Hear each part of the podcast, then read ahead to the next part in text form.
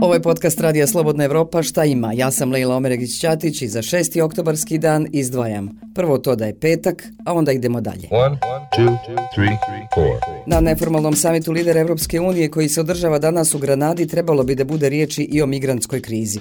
To je najavio predsjednik Vijeća Evrope Charles Michel rekavši da će pokrenuti to pitanje te da nijedna država članica neće ostati sama.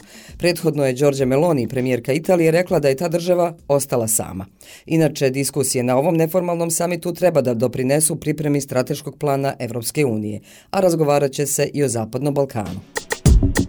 A tim robotičara iz Centra za edukaciju, robotiku, inovaciju i tehnologiju CERIT iz Mostara predstavljaće Bosnu i Hercegovinu na prestižnoj Međunarodnoj robotičkoj olimpijadi koja se ove godine održava u Singapuru, a počinje sutra 7. oktobra. Već su tamo, vidjela sam na njihovom Facebook profilu, Ilajda Šuta, Amar Pehilj, Kenan Nuhić, Ana Tomić, Nika Cvitanović te Amina Đuderija. Važne karike tima su nekad takmičari, a sad studenti Leila Nuhić i Armin Đidelija. Ono što je važno je to da svi timovi imaju iste uslove, o čemu čemu Đidelija kaže. Mislim da je možda tu više, kad svi dođemo na iste uslove, tu onda već počinje snalažljivost, neke ideje, neke kreacije, nekako neke velike države su navike na puno bolje uslove, puno više stvari, veće budžete, tako da na, tu dolazi više ideja kako da to iskoristimo, a njima vjerojatno možda fali neke stvari koje mi nismo ni videli ni imamo, tako da možda se tu stvori taj neki onda rebalans da, da ove države koje su lošije da se malo uguraju jer su snalažljivije jer nemaju onaj,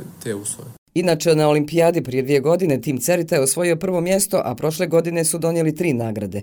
Ovaj tim je pod mentorstvom Anesa Hadžiomerovića koji odgovara na pitanje kako je baviti se robotikom u Bosni i Hercegovini. Veoma zahtjevno, dosta je skup sport, ajmo tako reći, a izazovi kojima se susrećemo jesu nama predstavljaju najveću prepreku naći financije da odemo ovako na takmičenje.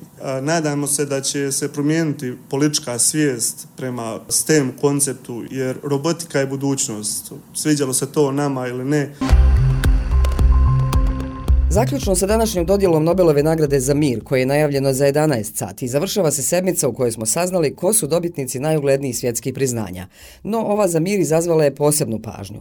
Reuters piše da ukrajinski predsjednik Volodimir Zelenski i ruski disident Aleksaj Navalni spadaju među favorite, ali stručnjaci kažu da aktivisti za prava žena, autohtoni narod ili borci za zaštitu životne sredine također mogu privući pažnju.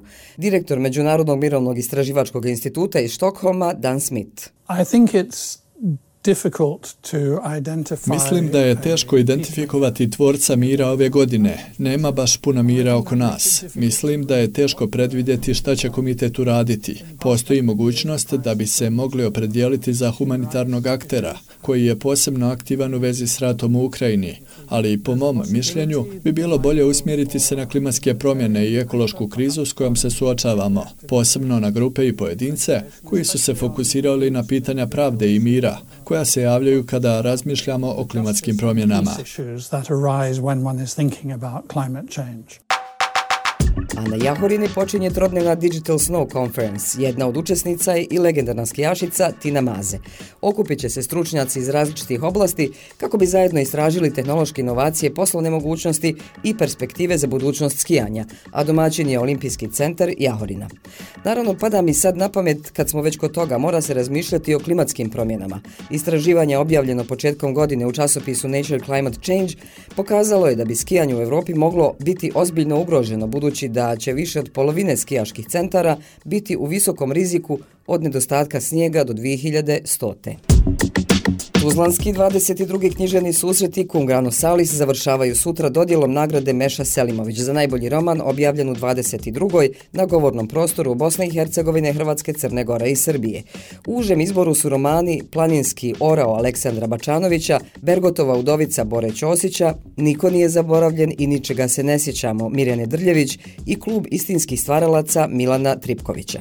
Eto, pa kogo dobije nagradu unaprijed čestitke, a nama svima preporuka da pročitamo svaku od nabrojanih knjiga, bez obzira koja ponese nagradu Meša Selimović. Uživajte za vikend, kažu subota sunčana, nedilja oblačna, ali nema kiše, što je najvažnije. Ćao!